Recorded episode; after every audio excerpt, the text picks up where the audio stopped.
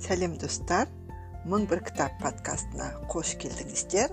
Подкастты жүргізуші бақытгүл салыхова. Әдеттегідей сіздермен кітап кітаптың мазмұны және оқығаным оқыған кітаптардан алған ойларым мен өз пікірім туралы айтып берейін. Бір бүгін бір қызық жағдай болды. Кейде фейсбукте әртүрлі адамдардың жазған жазбалары алдынан шығып қалады. Сондай бір жазба асылхан мамашұлының ә, педагогтар туралы жазған бір ойына кезігіп қалдым да ә, соған байланысты сіздерге осы ә, асылхан мамашұлының айтқанын оқып берейін.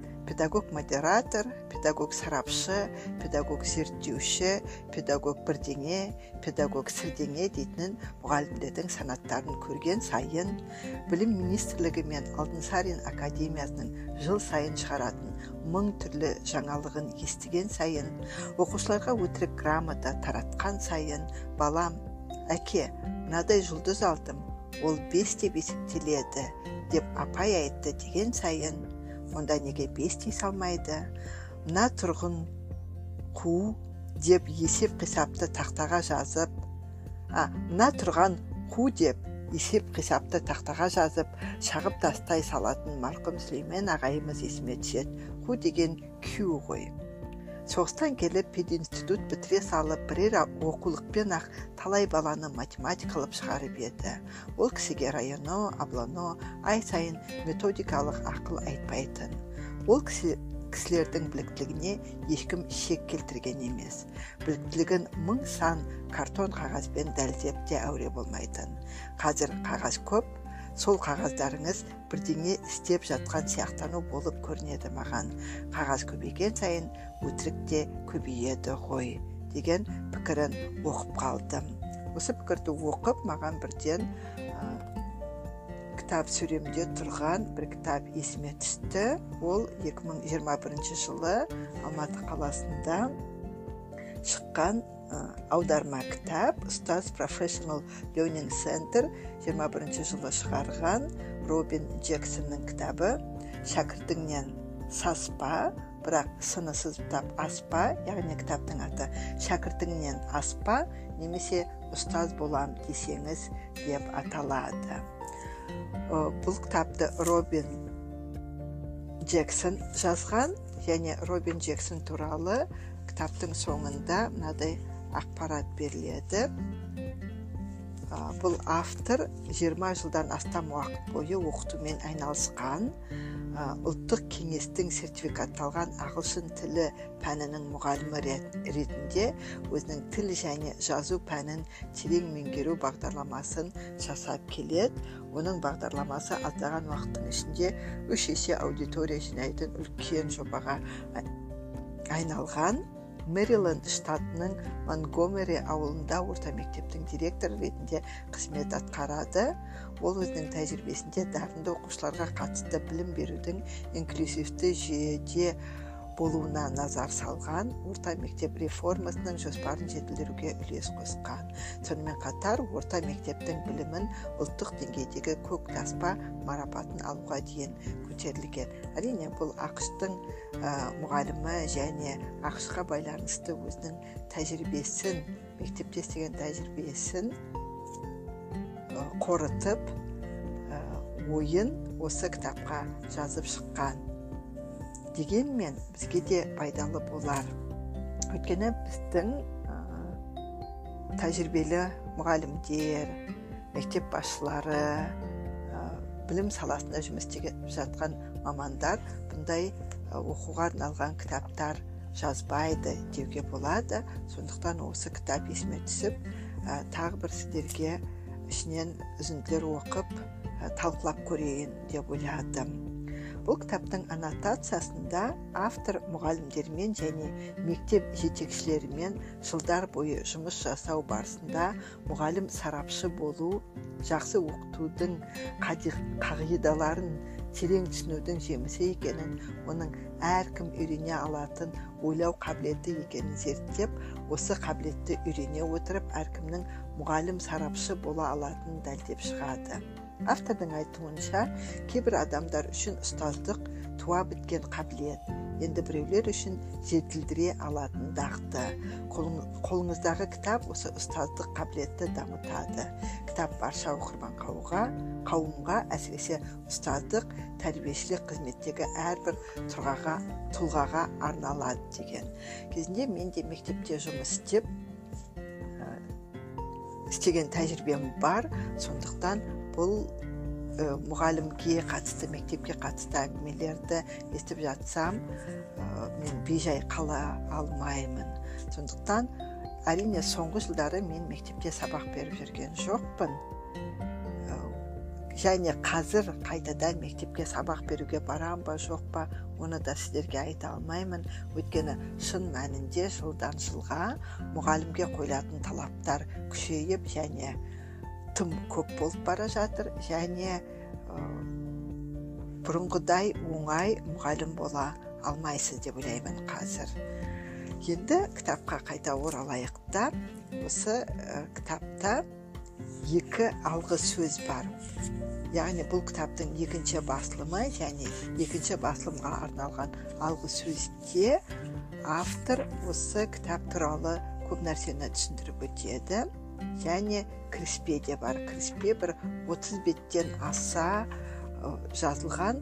Ол таң қалдым өйткені бұл жерде жаңағы шебер ұстаз дегеніміз кім дегенді түсіндіруге тырысатын және осы кітапты оқып өз ойларын айтқан тіпті кітапты оқымай кітаптың атауына байланысты өз ойларын айтқан адамдардың пікіріне бір жауап ретінде көп нәрсені түсіндіріп өтуге тырысады. Өйткені шәкіртіңнен саспа немесе шәкіртіңнен аспа. Яғни ұстаз болам десең а ағылшын тілінде бұл кітап never work harder than your students and other principles of great teaching деп аталады. Сонымен алғы сөзде қасиет қасиетті қабілет деген тақырыпша тұрда яғни қасиетті қабілет деген не екенін бізде түсінуге тырысып көрейік үш жүз бірінші аудиторияда доктор бен өткізетін ағылшын тілі сабағына қатысуды ұнататынмын сол кезде біз өткен шақ есімшесін зат есімнен құралатын баяндауыш және тағы сол сияқтыларды өтіп жатқанбыз бұның бәрі алғашында зеріктіретіндей көрінгенімен ол барынша байыпты әрі тиянақты түрде сөйлемдерге синтаксистік талдау жасайтын. Ол тілдің қасиетін ақтарып және мәнін ашатын еді. Біз болсақ 90 минут бойы міз бақпастан сабақтан назарымызды аудармайтынбыз. Сабақтың тартымдылығы сондай мен тіпті өзімді тыныс алудан қалғандай сезінетінмін. Ол бізге қайдағы бір түсініксіз өлең жұмбақтарын мейлінше шынайы әрі қарапайым ғана түсіндіретіндей көрінді. Бірақ ол шын мәнінде олай емес еді. Ұстазымыз бізді өзіміздің зеректігімізге сендірді. Ол сұрақтарды алуан тәсілмен қойса да біз әрқашанда оларға жауап таба алатынбыз.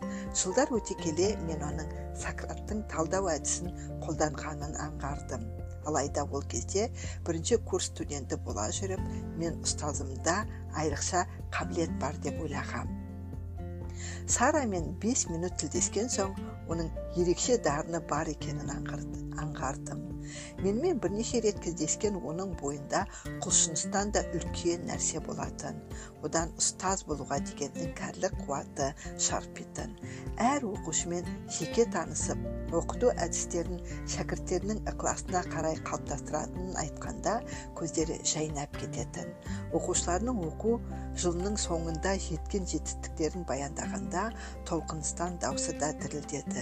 Сұхбаттың аяқталуына әлі 20 минут қалса да мен сараны жұмысқа алатынымды әңгімеміздің басынан ақ шешіп қойғанмын. Өйткені оның бала оқытуға деген қасиетті қабілетін байқадым. Лаураның сыныбына кіргенде құдды бір тылсым әлемге енгендей болдым. Бастапқыда бұның неден екенін түсіне алмадым. Қарапайым тарих сабағы ғой. Ал ол болса оқушыларға қайта өрлеу дәуірінің өнер туындыларын суреттер арқылы көрсетіп жатыр. Сонда оның астарында әлдебір кәдімгіден тыс нәрсе болды. Оның экраннан келесі слайдты қосып жатқандығын бақыладым. Әлдекім бұйрық бергендей оқушылар орындарынан ұшып тұрып суреттен байқағандарын интерактив тақтадан тауып белгі сала бастады. Олар одан әрі қайта өрлеу дәуірінде қоғам құрылымына әлеуметтік қалпы мен ойлау жүйесінің басты сипаттарын қарастырды. Оқушылар қайта өрлеу дәуірінің біздің заманымызға деген ықпалын қызу талқылап аталмыш дәуірді италия мен ағылшын қайта өрлеу нұсқаларымен салыстырып та үлгерді. Лаура біршама уақытта үнсіз өткізіп көбіне шәкірттердің өзара еркін түрде талқыға жол беріп тақырыпты бекіту үшін бірнеше сұрақ қойып арасында суреттерді өзгертіп қана тұрды. Сыныптан шыққан сәтте ішімнен оның бойында дарын мен қасиетті қабілет бар деп ойлаумен болдым. Сол кезде менен дарын мен қабілет жайлы сұрағанда ештеңе айта алмас едім. Бірақ мен ол қасиеттерді басқалардан көрген бетте таба алатын болдым. Мен сыныпқа кірген бойда барынша белсенді тоғызыншы сынып оқушыларын өзіне қарата білген мұғалімді аңғарып қалдым. Оны бірден дарынды мұғалім деп таныдым. Өзімді ұстаздық қызметке шабыттандыратын ұстаз сарапшылардың аңызға айналған мұғалімдердің кітаптарын оқығаннан кейін сол мұғалімдерге ұқсап бағып олардың қабілет қарымы маған да жұғысты болсын деген тілекпен олардың киімдеріне жанаса кететінмін. Білім беру саласында кеңесші бола жүріп аймақтық мектептермен жұмыс жасаған кездерімде олардың білім беру сапасын жақсарту жолында қызмет еттік. Сол кезде мен алғаш рет оқыту жайындағы аңыздардың шындығы турасында ойлана бастағанмын. Ұстаздық қабілет расында да туа біткен сирек те қасиетті қабілет пен дарын болса ше? Оған үйрену мен оны сіңіру мүмкін болмаса ше? Екінің бірінде берілмейтін жаратқанның берген сыйы болса не болар еді? Олай болса мен өзіме лайық кәсіп, кәсіпті таңдамаппын. Неге ерекше қабілетпен туған адамдардың бар екені айдан анық. Тумысынан дарынды адам шебер ұстаз болуға табиғатынан икемді екені рас. Ал енді ұстаздыққа бейімі жоқ адамның да жақсы мұғалім болуға хақы жоқ па сонда? Егер қабілет таңдаулы адамдар тобына ғана берілсе қалғандары қалай күн көрмек? Мені еріксіз осындай ойға мен еріксіз осындай ойға беріліп кеттім. Мұғалімдермен де мектеп жетекшілерімен де бірнеше жылдар бойы жұмыс жасау барысында мен бір нәрсені түсіндім. Қасиетті қабілет яғни орысша призвание туа біткен тылсым тылсым талант емес мистикаға толы атрибут та емес. Шындығында бұл ешқандай қасиетке бөккен дарын емес бар болғаны жай ғана қабілет екен. Мұғалім сарапшы болу дегенің жақсы оқытудың қағидаларын сындық тұрғыдан және ойластыра терең түсінудің жемісі. Бұл әркім үйрене алатын әрі меңгере алатын ойлау қабілеті ғана. Осы қабілетті үйрене отырып сіз де мұғалім сарапшы бола аласыз.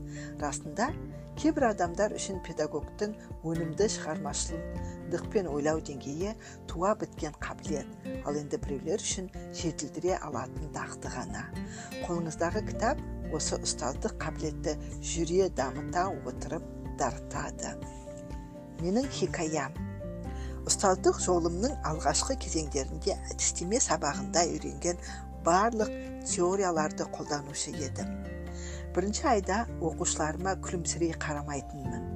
Күн сайын сабақ жоспарын жазғаным бар. Оқулықта жазылған дүниелердің соңынан қалмай ілесетінмін ал оқушылар орындарында шулай бастаса дереу жандарына жетіп барып қатаң тәртіп шараларын қолдануға кірісетінмін. Мен сыныпқа қозғалыс ережелерін іліп қойдым. Он ережеден тұратын тәртіпке шәкірттерімнің сабақ кезінде бойсынуын қадағаладым. Мұқият түрде ойластырылған түрлі оқыту әдісін жүйелеген болдым сабақта әр оқушының қабылдау ерекшеліктері мен түрлі зейін деңгейлерін ескере отырып оқытуды және ұжымдық сіңіруді қолға алдым. Түрлі педагогикалық технологияны қолдандым. Біріккен оқыту мен мәселенің шешіміне бағдарлағыш оқыту тәсілдерін меңгердім. Шәкірттерімді мәдениеттер алуандығымен де қызықтырдым. Бұл стратегиялар кейде оңды болды кейде нысанаға жетпей жатты. Қалай болғанда да мен өз оқушыларыма қарағанда әлдеқайда және барынша көбірек жұмыс істедім. Шыны керек шәкірттерімнен нәтиженің азайғанын байқадым. Өзім асыға күткен және екі апта бойы жоспарлап бүге шігесіне дейін дайындалған тапсырмалар оқушыларымды мен ойлағандай құлшындырмады. Мен конференцияда тыңдаған жаңашыл стратегия модератор жетекшіміз уәде еткенде іске аспады иә сарапшылар мен бақылаушылардың айтуынша мен алуан түрлі дағдыларды үйрендім. Алайда сыныбымнан оның қайтарымын көре алмадым. Оқушыларым әлі де қиындыққа душар болып зерігумен болды. Шыны керек олардың бір нәрсе үйреніп шаттыққандығына да күмәндандым. Маған барынша лидерлік қабілетті дамытып оған көбірек уақыт керек және де өзім ақылдырақ оқушылар мен оларды қолдайтын ата аналарды қажетсінемін деп ойладым. Басымды тауға да тасқа да соққаннан кейін мен уақыт пен күш жігердің босқа кеткенін ұқтым. Өмірімде ойнап көрмесем де бұдан гөрі лотереядан ұтып алу мүмкіндігім көбірек пе деген ойға қалдым. Дегенмен менің оқып үйренгенім мен берген сабақтарымның арасында принципті түрде үлкен айырмашылық бар екенін түсіндім. Сондықтан келесі жылы мен оқыту саласына қатысты қолыма түскен әдебиеттің бәрін оқумен болдым. Білім беру жайындағы кітаптарға үңіліп барымды салдым. Өңірлік мектептердегі тұрақты жетістіктерге назар аударып оларды жүзеге асырған мұғалімдер мен мектептер туралы есте қалсам қалай жеткендігін білуге құмартып оларға қоңырау шалып қалай жақсы нәтижеге жеткенін сұрастыратынмын білім беру туралы қызықты ғылыми жұмысты оқысам авторды тауып нақтылаушы сұрақтар қоятынмын оқытуға қатысты жаңалықтар іздестірумен конференцияларға қатыстым табысты мұғалімдерді бақылап олардың құпияларын ашуға тырыстым. Осылайша сіңірген әрі үйренген білімді кейін өз оқушыларыма қолданып тәжірибе жасадым. Өз деңгейімді арттырдым. Оқушылардың әулеті мен еркіндігін қалыптастыруға көмектесу үшін интернет қауымдастық құрдым. Көп деңгейлі тапсырмаларды әзірледім. Алынған мәліметтердің бәрін сараладым. Оқушыларымды танып көкжиегін таным көкжиегін кеңейтіп білімдерін бекіту үшін түрлі саяхатқа алып шықтым. Тіпті көктемгі advanced placement емтиханға тіркелгені үшін оқушыларға пешене пісіріп бердім. Кейде осылай жігерлендіру өте нәтижелі болады. Нәтижелі болмағанның өзінде де оның пайдасы әбден сезіле бастады. Мен тағы да өзіме өзім неліктен кейбір әдістер нәтижелі де ал кейбірі неге іске жарамайды деген сұрақты қоюмен болдым. Неліктен оқушыларыма нәтиже көрсеткен стратегия бүгін сәтті болады да бір аптадан кейін ол өнімсіздікке ұшырайды. Осы сұрақтар басты қатырумен болды. Ақыр соңында түйгенім бірде бір білім беру стратегиясында таңғажайып жоқ екен. Айырмашылық менің істеген істемегенімде емес қалай ойлауымда екен. Өзім соған мән бермесем де мен тиімді білім беру әдістерін өз сабақтарыма енгізіп машыға бастадым. Бұл жағдай менің ұстаздық қызметіме де оқушыларыма да көзқарасымды қайта қарауға итермеледі менің сыныпта қолданған әдістерім оқыту барысында оқушыларыма көмектесудің орнына өзімнің жеке эгомды қанағаттандыруға бағытталыпты маған жеткіліктісі шәкірттерімнің айтарлықтай жетістіктері ғана болып келген және бұл менің жақсы мұғалім екендігімді көрсетуші көрсеткіш еді мен тіпті былай армандайтынмын олар ер жеткен соң әйгілі болып шәкірттерім оскар сыйлығын иеленіп жатқанда алғыс сөздерін осының барлығы джексон доктордың арқасында ғой ол менің өмірімді өзгертті деген сөйлемдермен аяқтаса шіркін мен өзім туралы фильм түсіретіндей атақты мұғалім болғым келді ал сабақ сәтсіз өткен кезде немесе оқушыларым мен күткен жетістіктерге жетпеген кезде сары, сары уайымға салынатынмын. Мен тек қана өз қажетім мен жеке тілегіме бас қатырыппын. Мәселенің менің оқушыларымда емес менің білім беруге қатысты түсініктерімде екенін ұғындым да бұдан кейін өз оқушыларыма мүлдем басқаша қарай бастадым. Оларды оқуға итермелемей қалай оқу керек екендігін көрсетіп оқудың құндылығын көруге көмектестім мен енді оқытудың дұрыс стратегиясын іздеуден бас тарттым. Бұны тиімді оқыту қағидаларын қолданғаныма көзімді жеткізу үшін жасадым. Стратегиялар мен өзімнің жеке ішкі қалауымнан гөрі оқытуға деген басты принциптерға басым көңіл аударуым мен мені шәкірттеріме білім алуды үйретуге итермеледі оқу жылы бойында өз сыныбымда сыналап кіре бастаған түбегейлі өзгерістерді байқай бастадым. Білім беру барысындағы жеке басымды күйттейтін тілектерден арылғандықтан мен енді шынайы түрде оқушыларымның әр қадамына қуана білдім. Олар сүрініп жатса да бұрынғыдай шала бүленбейтін болдым. Керісінше оларға сәтсіздіктің себебін және қателерді түзетудің жолдарын түсіндіруге тырыстым. Іс әрекеттерім жүйесіз болғанымен нәтижелі болды. Мен бара бара оқушыларымның өздерін емін еркін ұстай бастағандарын және өздеріне деген сенімдері молайғанын байқадым. Олар қалай әрі не істеп жатқанымызды оның неге маңызды екендігін түсінуге тырысып жиі сұрақ қоятын болды. Олар сабаққа сақадай сай келіп сабақ барысында ерекше ынтамен белсенді бола бастады. Олар мендегі өзгерісті аңғарды. Мен де енді бұрынғыдай бар назарымды өз мұратыма емес шәкіртімнің жетістігіне барынша аудардым. Мен қалай әр оқушыма қабілетті әрі ерекше тұлға ретінде қарай бастасам дәл солай мен оларды оқытудағы жүйесіздіктен қорғауға деген тырысуды жайына қалдырдым. Оқу дағдысын сіңіру барынша күрделі қате жіберуден қаша алмаймыз.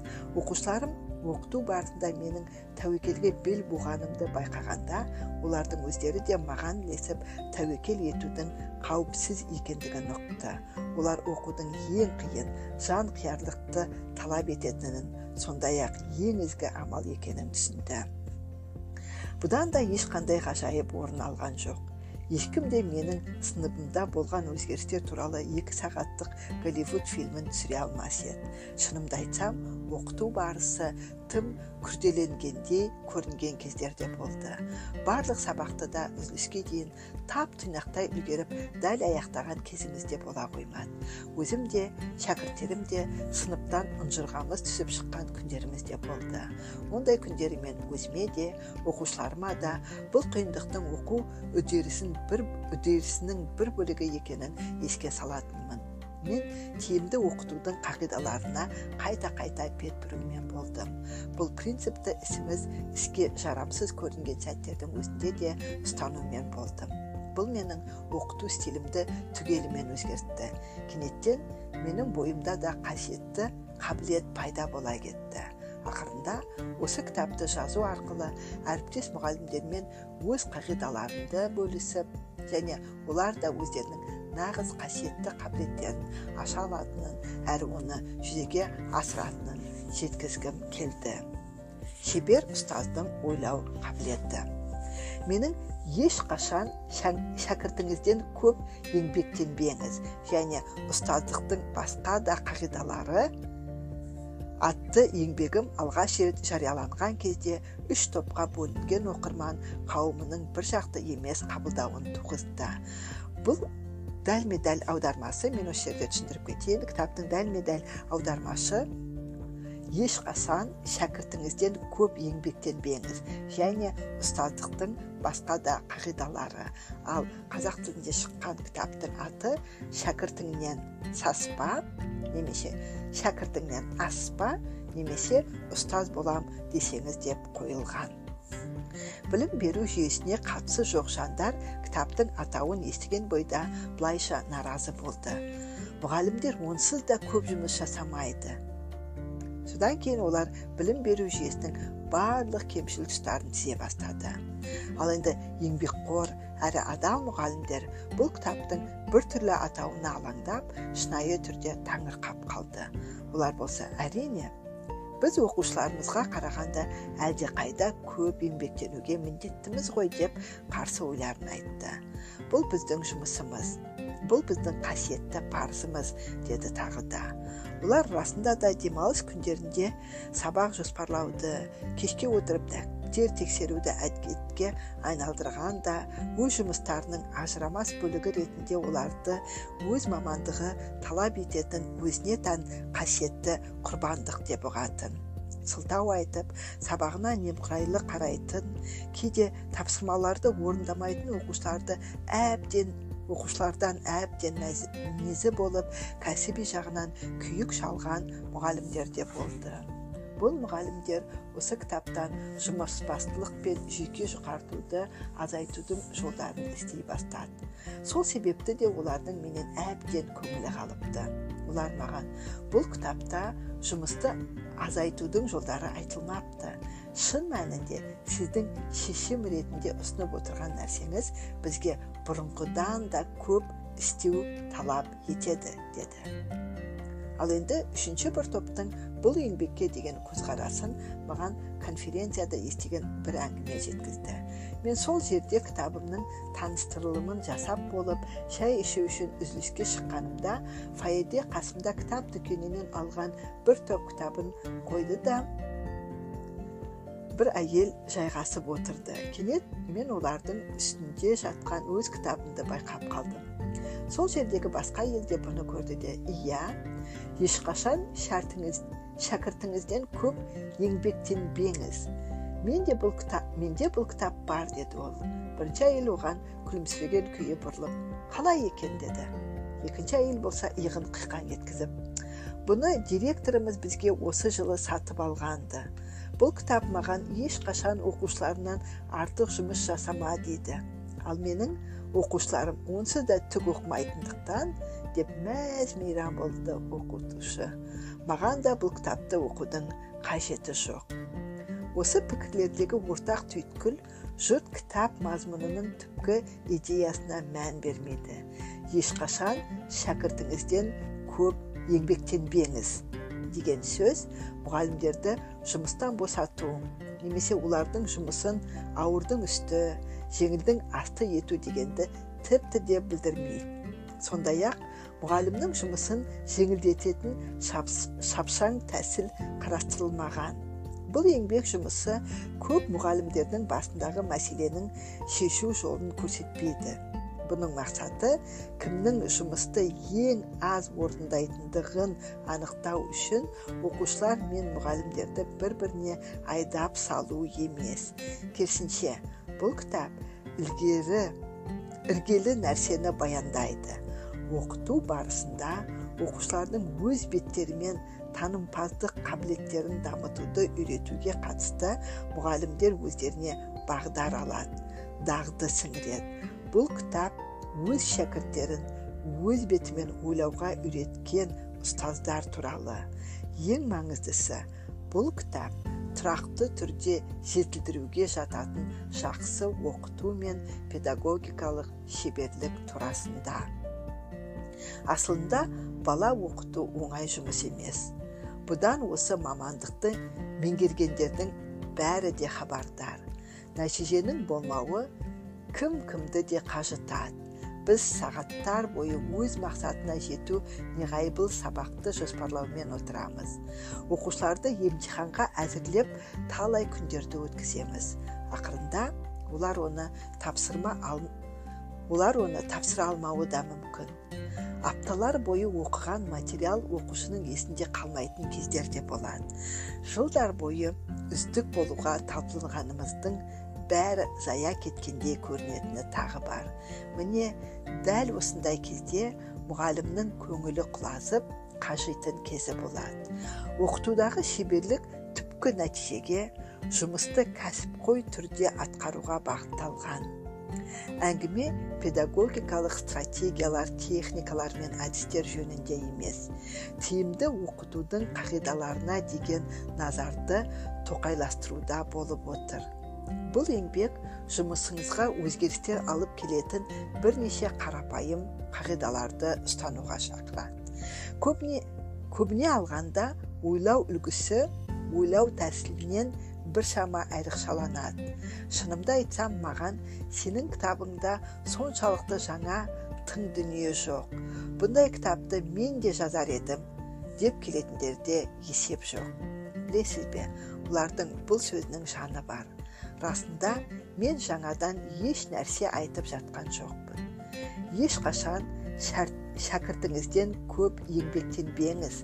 Кітабындағы қарастырылған қағидалар әуелден бар. Бұл кітапты оқыған кез келген адам мұны жазып шыға алар еді.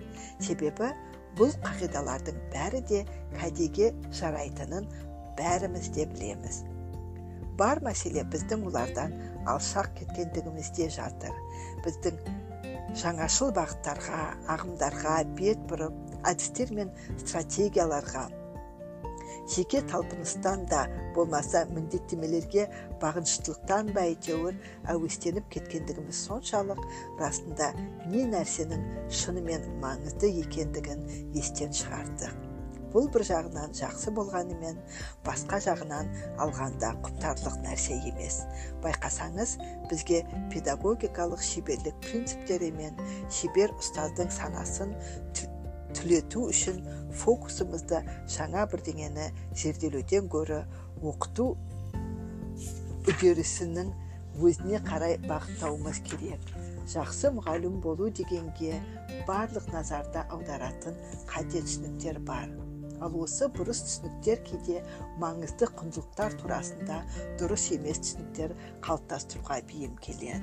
Осындай теріс бағытталған түсініктер ақыл ойды тұмшалап бағыттан адастырып жақсы оқытудың қандай болу керектігін ғана емес оның қандай сезім күйді де қозғайтынын біз ұмытпауымыз керек. Сонымен қатар біз педагогикалық шеберлікті өзінің құрметті тұғырына тұруға рұқсат еттік деуге болады алайда оған тек қана ат төбелінде топтар сол белеске шыға алуы мүмкін.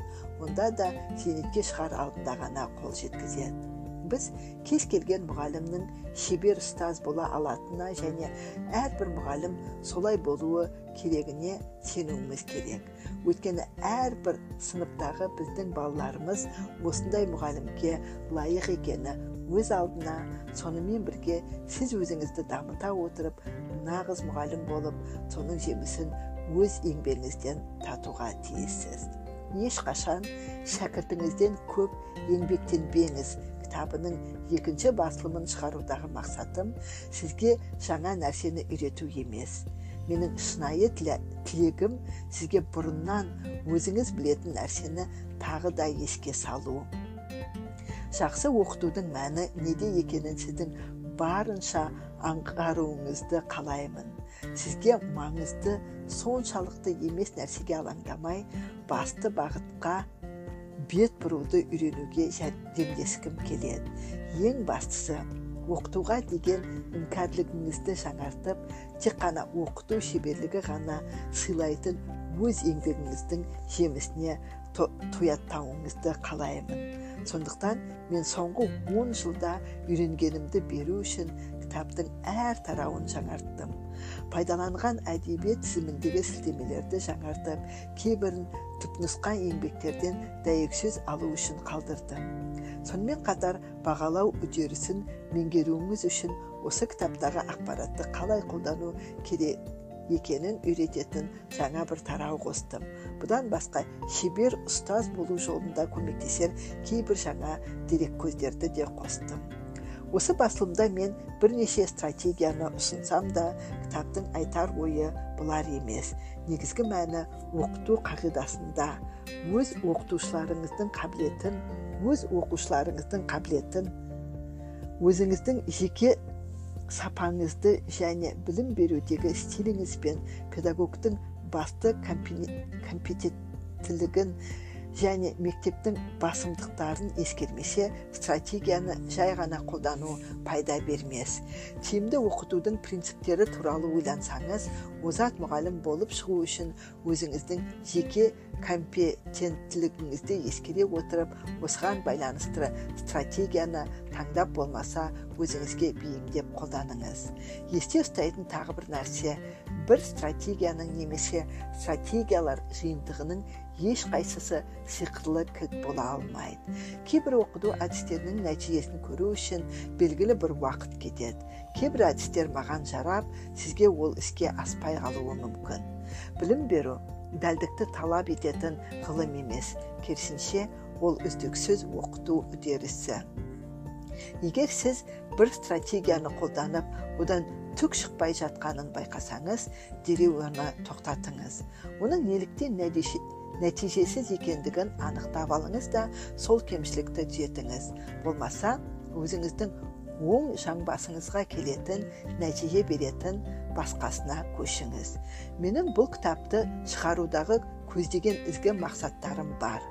Мен оны оқитын әр мұғалімнің шын шебер болуға талпынғанын болмаса осы жолды таңдап қойған болса таңдаған өз жолының дұрыстығына сенімін нықтай түсуін қалаймын. Кәсіпқойлықтың көрсеткіші ретіндегі шебер оқытудың қалыптасқан үрдісі болып кәдуілгі құбылыс секілді кең таралғанын қалаймын. Сіздің күн сайын өз сыныбыңызға сенімді түрде алшаң баса кіріп және жасап жатқан әрекетіңізге сенімді болғаныңызды қалар едім. Әрбір шәкіртіңізге ол ойлағаннан да әлдеқайда көп нәрсені үйренуге көмектескеніңізді қалаймын. Бәрінен бұрын ең бастысы сіз оқушыларыңыздың өміріне шынайы өзгеріс енгізуіңізден ләззат алғаныңызды қалаймын. Бұл кітаптың мәні мен маңызы да осында. Жақсы мұғалім болу дегеніміз үнемі өзгеріп отыратын педагогтардың қызметін бағалау мен педагогика қызметкерлерін аттестаттаудағы балдық жүйеден ұпай алу емес. Белгілі бір көрсеткішке жету деген сөз. Бұл көрсеткіштер жұмыс орныңды сақтауға көмектессе де оқушылардың мүмкіндігін ашуға әрқашанда ықпал ете бермейді де. Олардың болашағына да жол ашылмауы ықтимал. Өзіңіз бен оқушыларыңыздың өмірін нағыз өзгерте алатын амал оқытудағы шеберлік пен құлшыныс қане. Кәне ендеше бастайық дейді.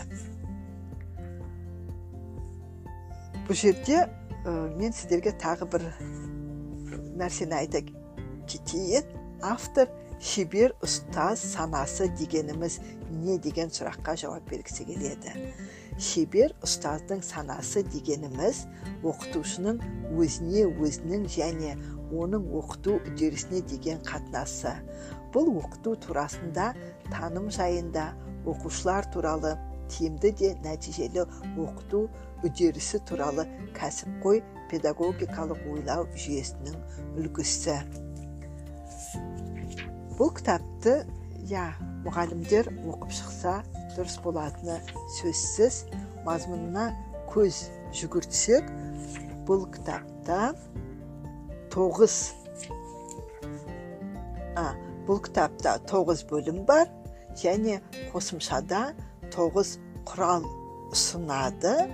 Ол құралдар шебер педагог траекториясы іс әрекет жоспарын әзірлеу екінші құрал жұмыс жоспарының үлгісі рефлексия яғни кері байланыс парағы мұғалім сарапшының қадағалау парағы деген сияқты түрлі құралдарды да ұсынады мен өзім мұғалім болып жұмыс істегенде иә есімде кейін ә, мұғалімдік оңай емес екенін түсінген кезде мұғалімнің алдында бір үлкен дилемма тұратын. Өйткені сіздің пәніңіз бар алдыңызға қойған жоспарыңыз бар және мектептің талап ететін ә, белгілі оқу сағатын өтіп шығуыңыз керек. Сол кезде сіз сабақ барысында мақсатты қалай қоясыз? Мақсатыңыз жоспарды орындау ма? Әлде оқушылардың бір нәрсені үйреніп кеткені ме? Мен көп саралап ойланған кезде кейде ә, міне бүгінгі сабақ мына тақырыпты өтуім керек бұл сабақта мынадай мақсаттарға жетуім керек деп жаңағы жоспарды жүзеге асыруды мақсат етіп қойғанда оқушылардың оны үйренген үйренбегені нәтижеге жеткен жетпегені қалыс қалып жатады. Бұл әсіресе тіл үйрету тіл сабақтарында өте маңызды. Өйткені сіз шет тілін немесе екінші тілді үйретіп жатқан кезде алдыңызда жоспар тұрса сіз келесі күні екінші үшінші оныншы сабақты өтуіңіз керек. Ал бала әлі бірінші сабақты меңгере алмай қалып жатыр. Сонда не істейсіз? Сіз ол бала меңгермеді деп сол тақырыпта отыра бересіз бе? Жоқ әлде алдына жүре бересіз бе? Мысалы сондай сұрақтар туындайды мұғалімнің алдында менің алдында көп туындайтын. Кейін курсқа барып ағылшын тілінен сабақ бергенде де осы мәселе тұрды.